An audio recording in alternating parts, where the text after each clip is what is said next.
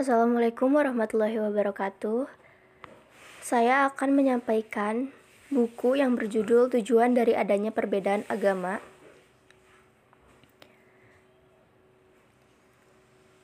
oleh Hazrat Mirza Ghulam Ahmad. Berikut ini adalah dua percakapan dari Hazrat Masih Maud dengan beberapa orang non-muslim. Teks Urdu dari percakapan ini terdapat dalam Malfuzat volume 5 halaman 151 sampai 154 dan 141 sampai 146.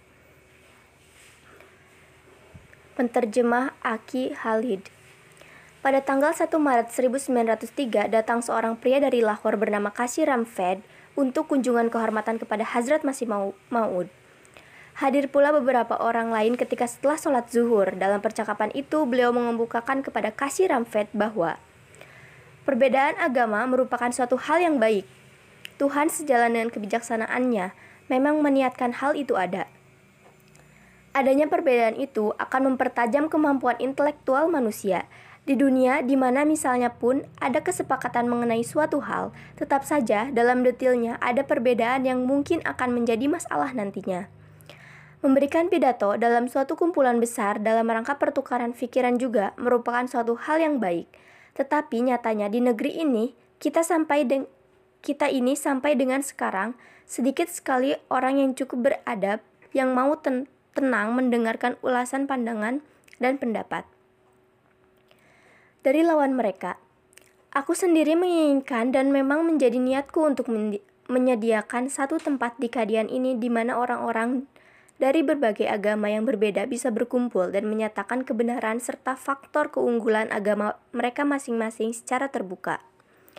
Jika ada debat atau diskusi terbuka dalam mengemukakan kebenaran, hal itu sebenarnya merupakan suatu yang baik. Namun pengalaman menunjukkan bahwa hal itu juga mengandung unsur kejahilan dan kekacauan dan karena itulah tidak digalakkan. Bisa jadi ada saja segelintir orang-orang yang mau mendengarkan pandangan lawan bicaranya dengan sabar dan lembut hati. Tetapi mayoritas lainnya terdiri dari orang-orang yang tidak mampu mendengarkan bahkan sepatah kata pun yang dirasakannya tidak sejalan dengan agama yang dianutnya. Tidak peduli betapa lembutnya pun hal itu disampaikan. Bila ada seseorang beragama lain yang berbicara, kemungkinan besar apa yang dikemukakannya itu tidak sejalan dengan pandangannya sendiri dan hal itu langsung merangsang emosinya. Dalam pertemuan seperti yang dimaksud, bisa terdapat kedamaian jika si pembicara dan si pendengar bisa duduk bersama, seperti halnya seorang ayah yang menemukan sesuatu yang buruk pada anaknya dan ia menasihati men, menasihati si anak yang mendengarkan dengan sabar dan lembut hati.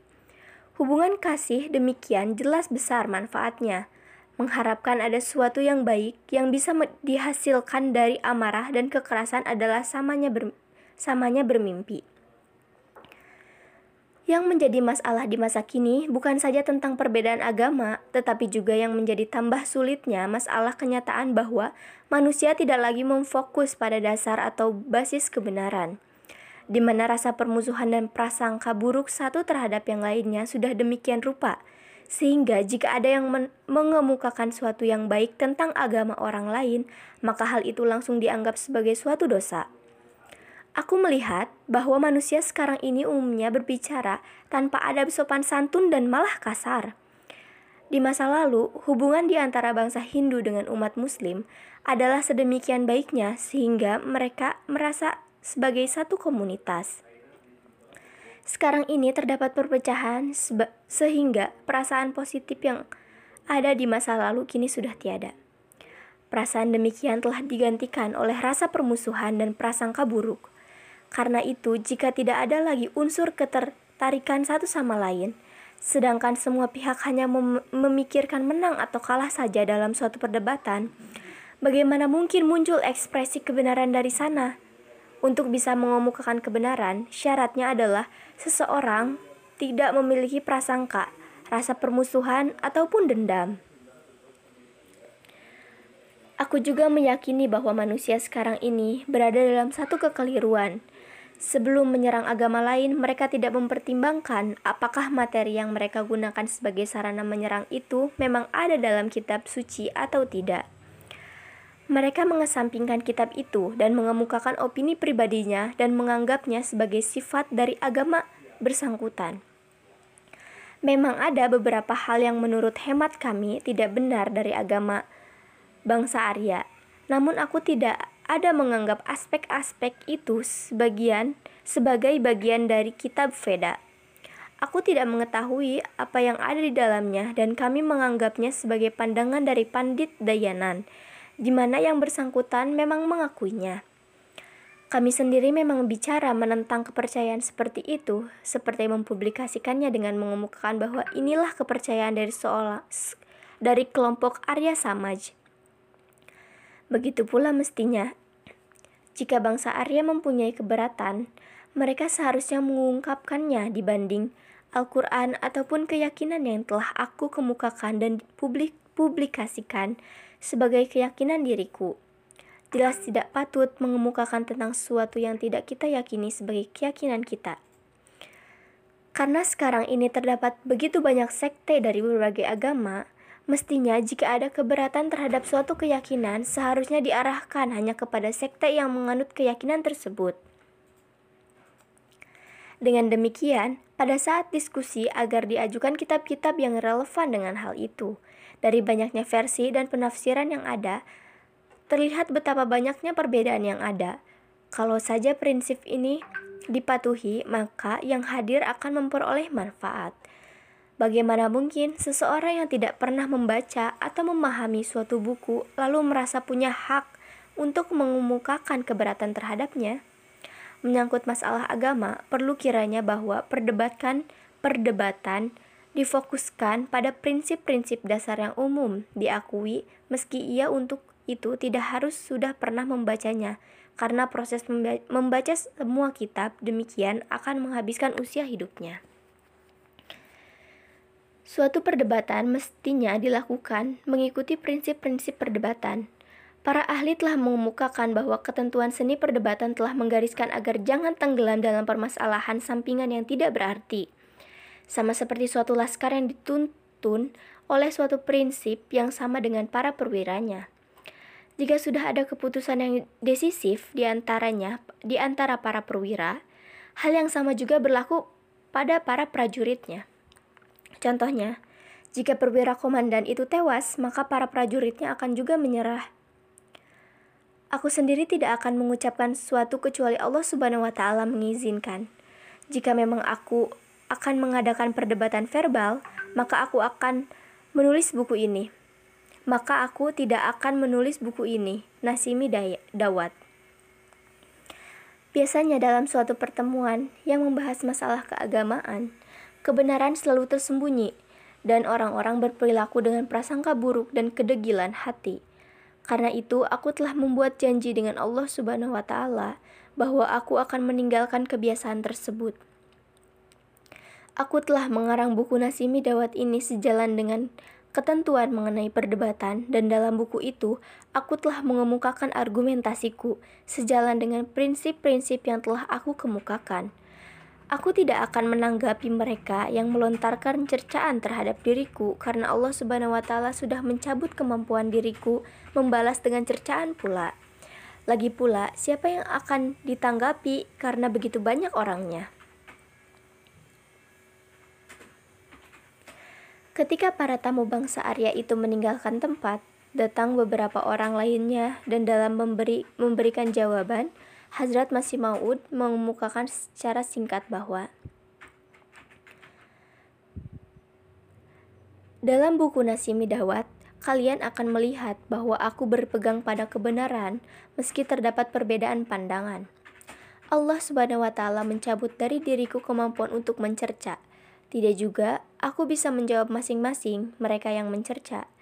Berjuta-juta orang yang mencerca yang mana yang harus aku layani. Aku kemukakan masalah ini langsung kepada kelompok Arya Samaj dan bukan dengan kitab Veda, karena aku tidak menguasai Veda.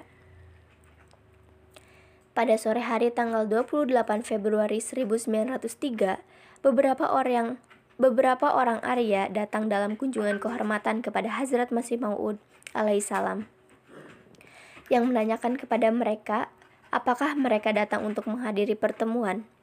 Mereka menjawab bahwa mereka datang hanya karena mereka mendengar kalau Hazrat Masih Maud akan berbicara dalam Muzizat berkat doa Subjek pengabulan doa merupakan cabang atau bagian dari subjek sebuah doa. Seseorang yang tidak memahami prinsipnya tentunya akan kesulitan juga dalam memahami bagian atau cabangnya. Hal inilah yang mendasari kesalahpahaman Said Sahib. Dalam prinsip doa, terdapat hubungan ketertarikan kebersamaan di antara seorang hamba yang saleh dengan Tuhannya. Fitrat pengasih atau rahmaniyat ilahi akan menarik seorang hamba kepada dirinya sendiri.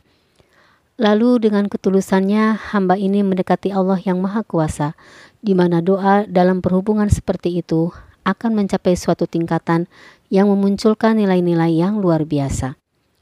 Ketika seorang hamba yang sedang dihimpit kesulitan lalu mendekati Tuhannya dengan keyakinan penuh, harapan, kecintaan yang sempurna, kesetiaan dan keteguhan hati, ia kemudian menjadi waspada serta membuang jauh-jauh segala tirai ketidakacuhan untuk maju ke tahapan memfanakan dirinya sendiri. Maka ia akan melihat hadirat ilahi di mana dia tidak mempunyai serikat. Jiwanya akan bersujud di gerbang itu, dan kekuatan daya tarik yang menjadi fitrat dirinya akan menarik karunia Allah SWT kepada dirinya tersebut.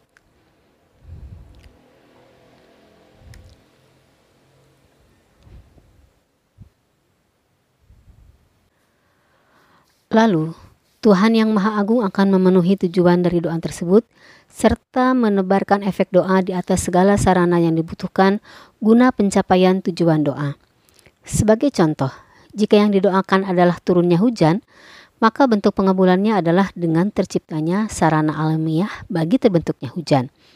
Kalau yang didoakan adalah mengenai bencana kelaparan, maka Allah SWT akan menciptakan sarana guna mengatasinya. Sudah dibuktikan secara nyata kepada mereka yang sering mengalami kasyaf bahwa dalam doa seorang yang sempurna akan tercipta kekuatan untuk membentuk. Dengan kata lain, dengan perintah Allah SWT, doa itu mempengaruhi dunia bawah dan atas yang menggerakkan semua unsur-unsur dan benda-benda angkasa serta hati manusia ke arah yang diinginkan. Banyak sekali contoh-contoh mengenai hal ini dalam kitab-kitab suci Allah Subhanahu wa taala. Pengaruh doa lebih besar daripada api. Beberapa jenis mukjizat sebenarnya merupakan realisasi pengabulan doa.